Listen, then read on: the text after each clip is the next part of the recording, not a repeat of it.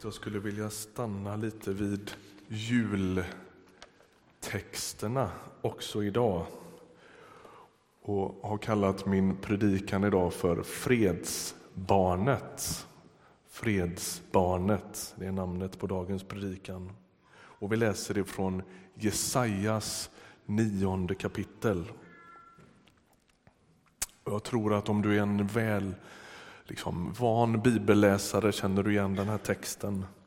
En klassisk text som vi läser så här års. Vi läser från Jesajas nionde kapitel och vers 2. Det folk som vandrar i mörkret ser ett stort ljus. Över dem som bor i mörkrets land strålar ljuset fram. Du låter jublet stiga, du gör glädjen stor.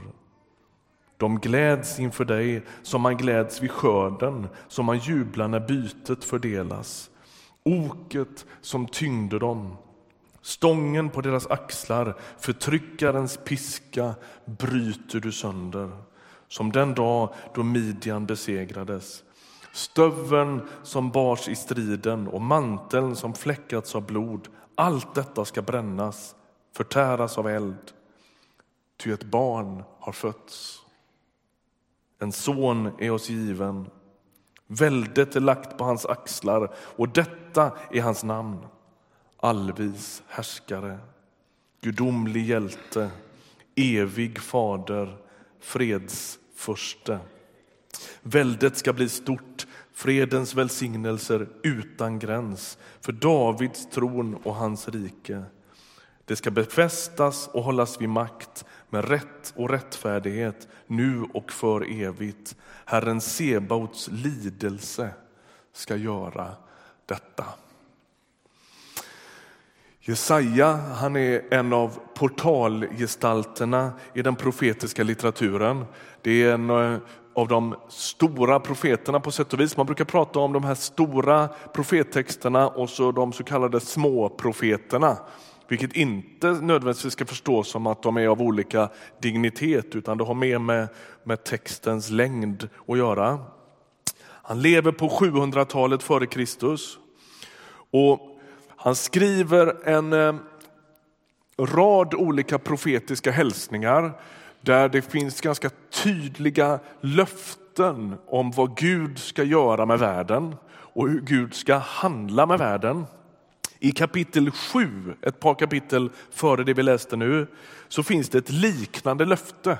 Där står det att en son ska födas. Han ska få namnet Immanuel som betyder Gud med oss.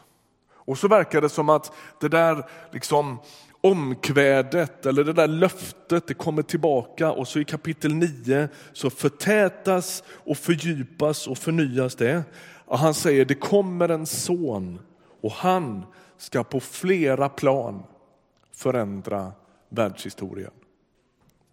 Jag tänkte säga några ord om den här texten. Om du har en bibel med dig så håll den uppslagen därför att vi leker, eller liksom lever i den här texten och rör oss i den en stund framåt.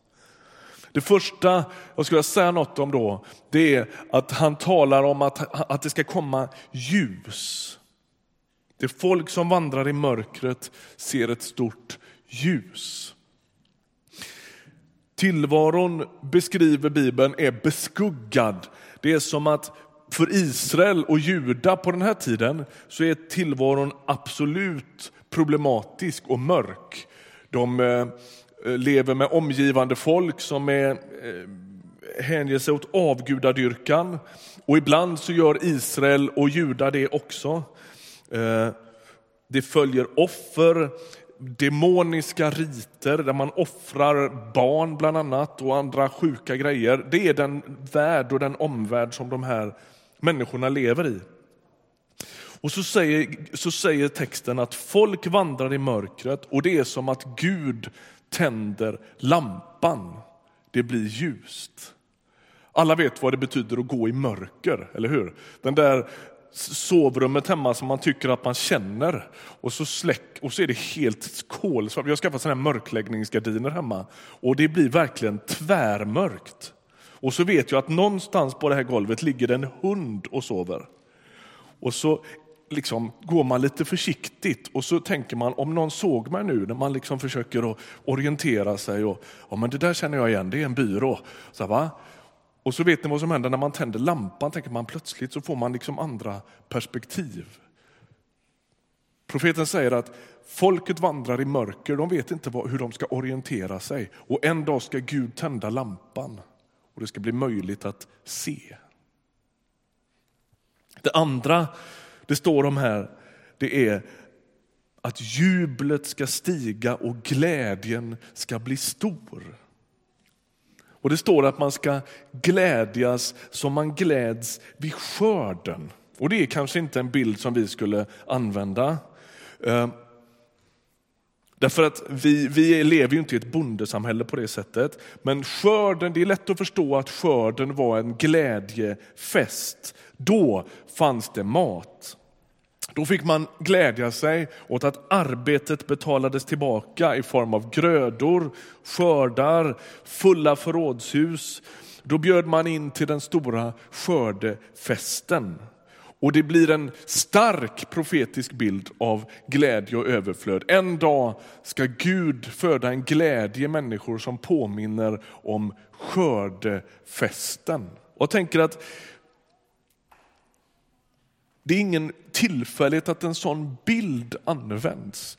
Bibeln använder ofta organiska bilder, alltså bilder som har med växt och, och natur att göra.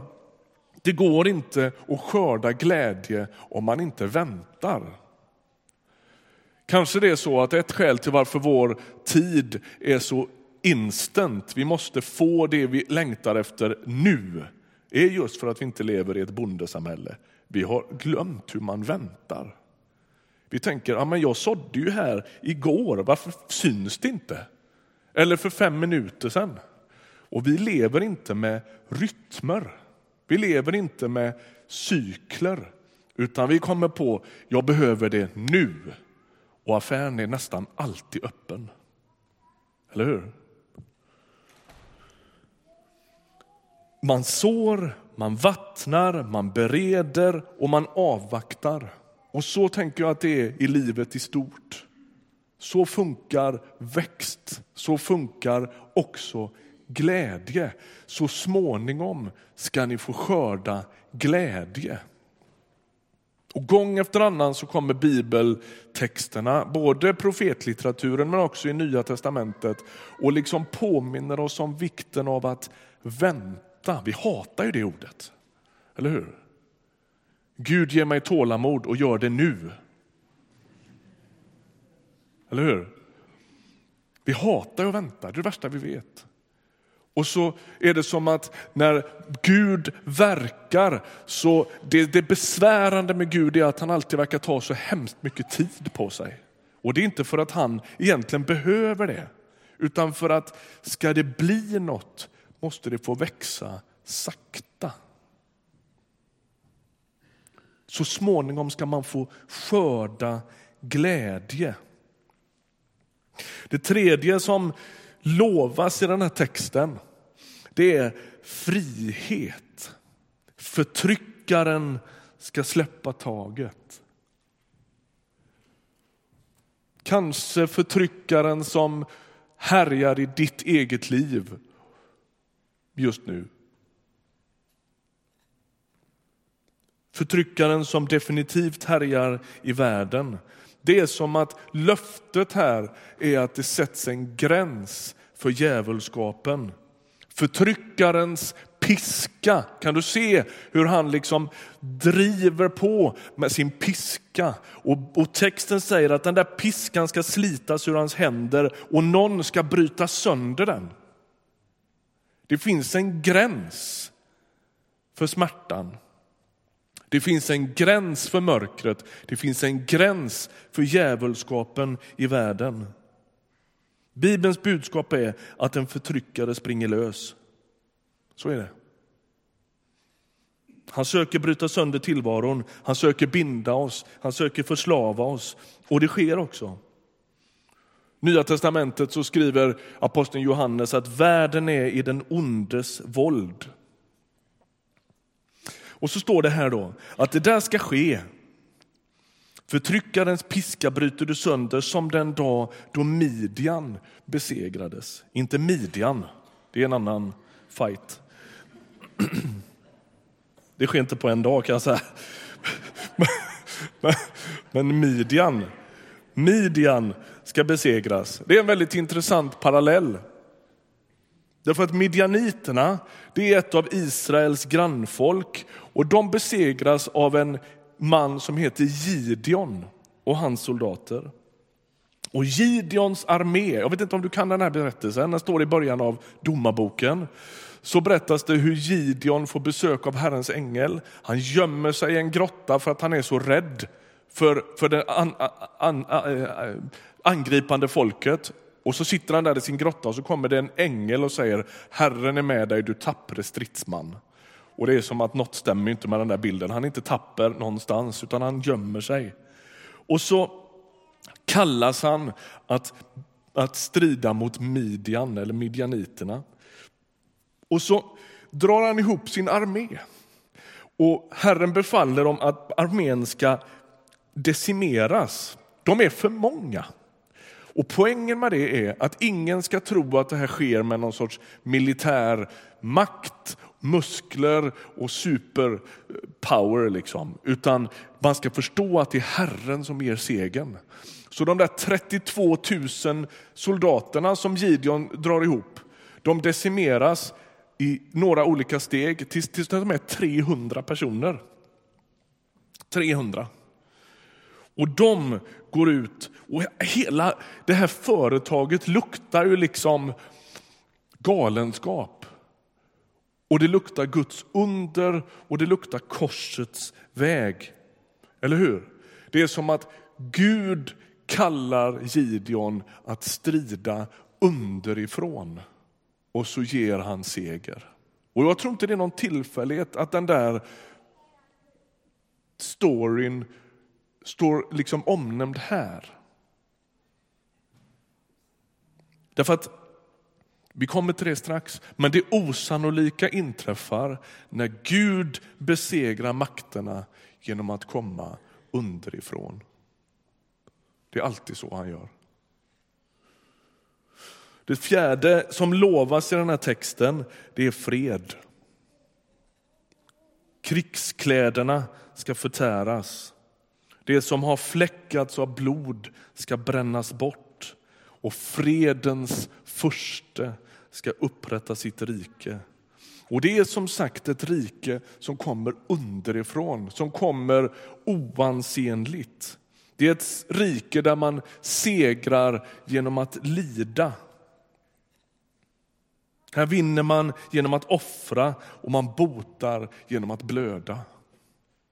Så går det till i det annorlunda bakvända rike som antyds här. Kommer ni ihåg vad vi sjöng på advent, första advent? Då sjöng vi Bereden väg och då låter en vers så här. Ej kommer han med härar, ej med ståt och prakt. Dock ondskan han förfärar i all sin stolta makt. Med andens svärd han strider och segrar när han lider. Välsignad vare han som kom i Herrens namn. Alltså, det här riket det kommer underifrån, men det kommer med fred. På den här tiden var det vanligt att man gav kungar hedersbetygelser och pampiga namn. Det här är egentligen inte särskilt ovanligt i den tid som Jesaja lever i. Men man gjorde inte det i Israel. Man var lite noga med det, därför att man tillskrev Gud de där namnen. Och när profeten Jesaja utmålar en kommande kung på det här sättet, då är det troligt att det ska läsas tillsammans med annan profetlitteratur som talar om vad Gud ska göra och som ingen vanlig jordisk kung kan åstadkomma. Det är något annat på gång. Det är inte en ny kung David i, i klassisk mening. Det är inte en ny kung Salomo. Det är inte liksom, en världsregent på det sättet. Det är något annat på gång. Och Jesaja, han liksom dissar alla andra makthavare. De har inte den vishet som krävs. Namnen på den kommande kungen står i någon sorts kontrast till allt det.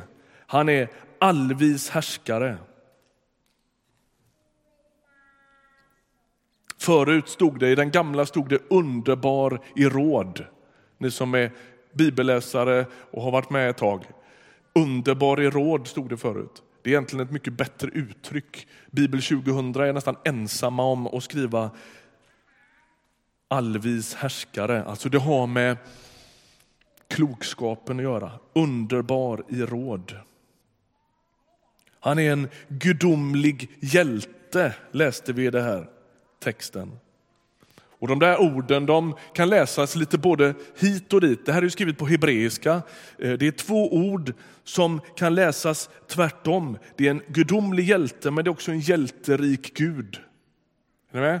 Hjälte och Gud finns här. Och så kan man liksom sätta ihop dem på lite olika sätt när man översätter. Båda två blir grammatiskt rätt.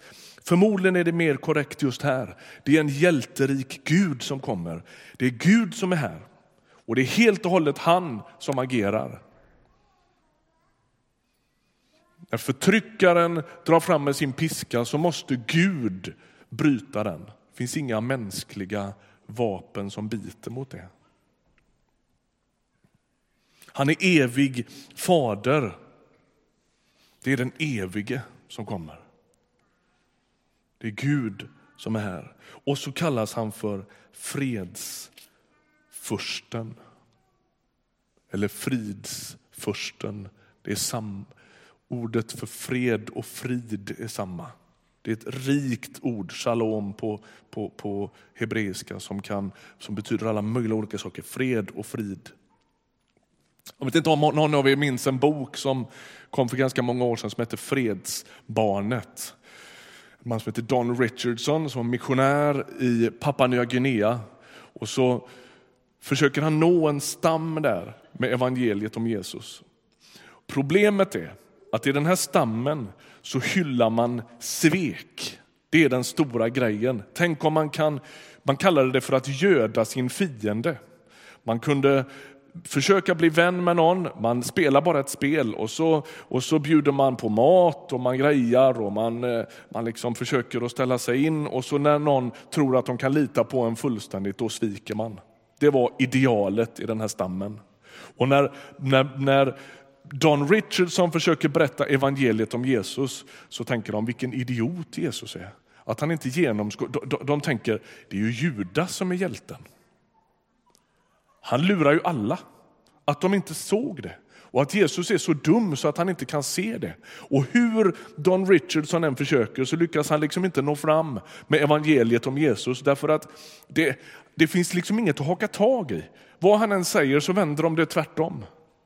Men så en dag så hör han en berättelse, en, en tradition och en legend som finns i det här folket. Och det är legenden om fredsbarnet. Om två stammar ligger i fejd med varann så, och vill sluta fred på riktigt så utväxlas ett barn. Då tar man ett barn ifrån stammen och så ger man det till den andra stammen. Och så får det barnet växa upp där. Och så blir det en sorts garant för att vi ger oss inte på er därför att vårt barn bor där. Och Det där kunde man inte svika, det var obrottsligt. Liksom. Och plötsligt får Don Richardson sin ingång. Och så berättar han för dem om att Gud har gett fredsbarnet till världen. Det är egentligen det Jesaja säger här. Gud har kommit med fridens första eller som fridens första klivit in i världen för att skapa fred. Det kom ett barn.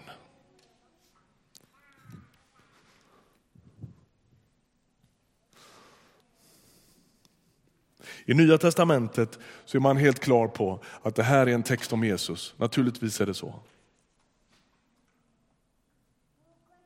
Bara några ord om det innan vi rundar av det här.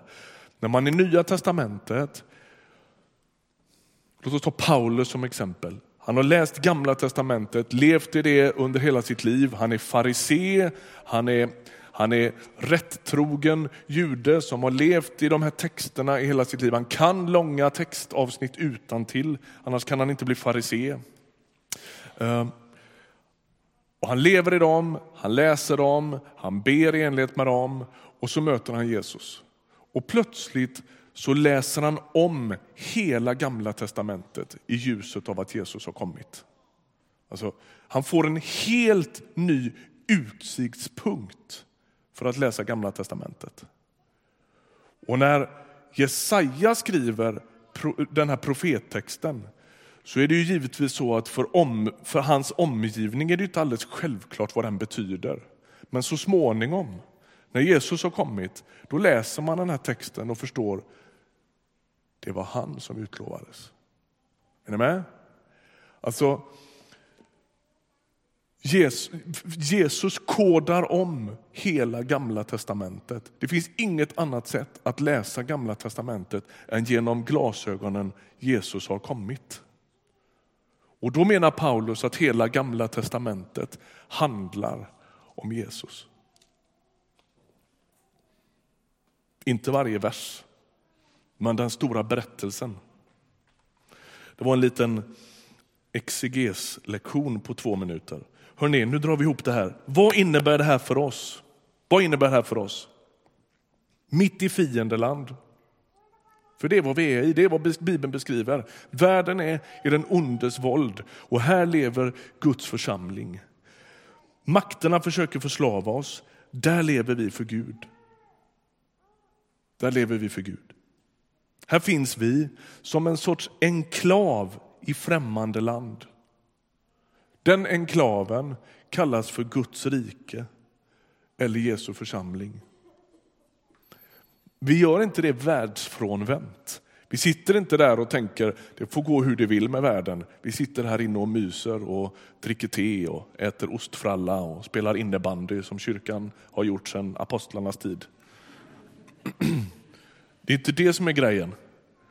Utan vi lever där i den enklaven, i den, säga, eh, i, i, i en sorts kluster Människor som har Jesu märke på sina liv. Vi önskar leva ut de här egenskaperna som finns i den här texten. Vi önskar leva ut ljus, glädje, frihet och fred. Det är vad vi önskar. Och vi önskar att det skulle smitta världen. Vi önskar att vi skulle sprida det. Så varje gång vi ber, låt ditt rike komma, låt din vilja ske på jorden så som i himlen. Då ber vi om att det ska, ske, att det ska synas här och nu. Varje gång vi ber, låt din vilja ske på jorden så som den sker i himlen. Då ber vi att allt det som himlen rymmer ska ta så mycket utrymme som möjligt genom våra liv och vår gemenskap. Är ni med? Och därför kan man inte säga att vi använder oss av krigiska metoder för att skapa fred. Om vi menar allvar med ditt rike här på jorden så som i himlen då är vi barn till fredens, fredens första.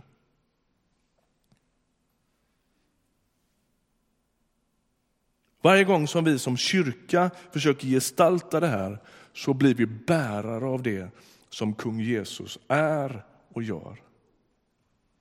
Allt som himlen rymmer vill vi se mer av. Och därför tänker jag avslutningsvis så här. Se på Jesus. Han är uppfyllelsen av din djupaste längtan. Han är uppfyllelsen av dina djupaste behov. Han är den som möter din längtan efter ljus, glädje, frihet och fred. Det är han som möter det. Men han är också den som sätter in dig i, Bibeln använder olika bilder för det, i familjen, i Guds familj, i Guds rike, i Guds hushåll, i Guds medarbetarteam. Där sätter han in oss. Och så säger han att det är där vi tillsammans får gestalta det här. Alltså när världen blöder, när världen har förtryckarens piska över sina axlar så kommer Guds församling och försöker gestalta ett annat rike. Där vi bryter makter, där vi kommer med ljus i mörker, där vi kommer med fred i konflikter, där vi kommer med frihet där det är bundenhet, där vi kommer med glädje där det är sorg. Men det märkliga är att det alltid sker underifrån. Och det sker alltid på samma sätt som med det där fröet. Det, det, det börjar så oansenligt. Och när, när, Jesus talar om Guds rike så talar han om det som en... Som, som, som, han använder en massa sådana ganska oansenliga bilder. En av dem är ju fröet, va? senapsfröet som man lägger i jorden och som är det minsta av alla frön, säger han. Och så växer det upp och blir som ett stort träd. Så funkar räddningsplanen. Det börjar alltid underifrån. Ett barn börjar det med.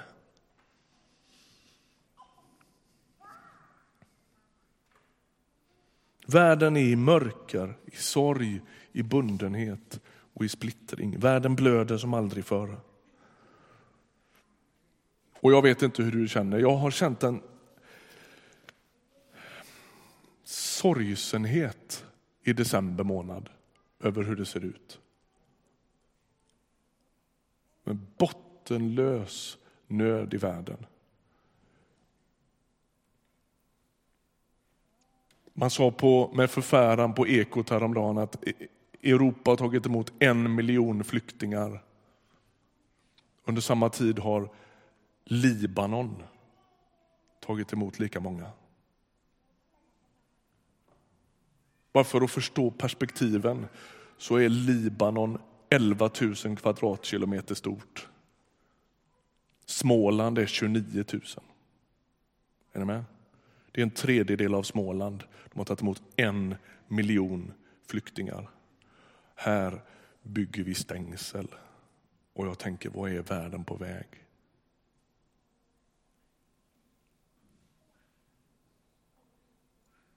Och löftet till dig och mig, det är, eller uppmaningen är att inte tappa modet. Därför att den här texten slutar, fredens välsignelser ska bli utan gräns. Så när vi ber bönen Vår Fader, varje gång du gör det ska du veta att du är med om en djupt samhällsomstörtande sak. Förtryckarens piska ska brytas sönder. Djävulskapen har en gräns. Ett barn har blivit fött. En son blev oss given. Det är inte ute med dig. Det är inte ute med världen. Vi ber tillsammans.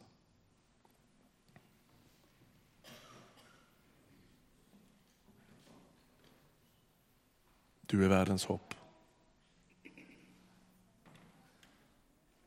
Du har skapat allt.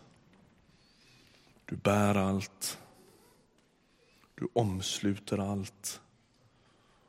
Du ska uppfylla allt. Du är alltings början, du är alltings slut.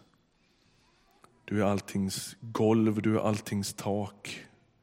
Inget finns utanför dig.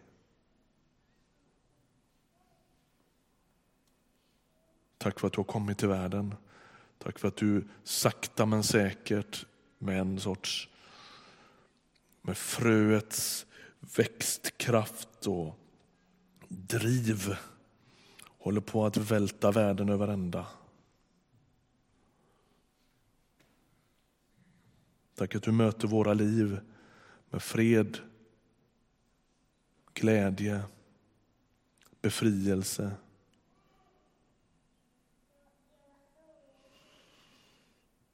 Tack att du en dag ska komma tillbaka och tack att fredens välsignelser inte ska ha någon gräns. Du är fredens första. Du är fredsbarnet. Vi tackar dig för att du kom Tack att vi får ta rygg på dig. Tack att vi får klamra oss fast för dig. Amen.